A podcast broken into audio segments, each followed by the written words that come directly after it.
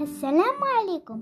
اسمي أمينة الريسوني من مدينة تطوان أوجه لكم رسالة قصيرة للحديث عن هذه الوضعية التي نعيشها بسبب هذا الوباء كوفيد 19 الذي أصابنا وجعلنا نبقى في منازلنا.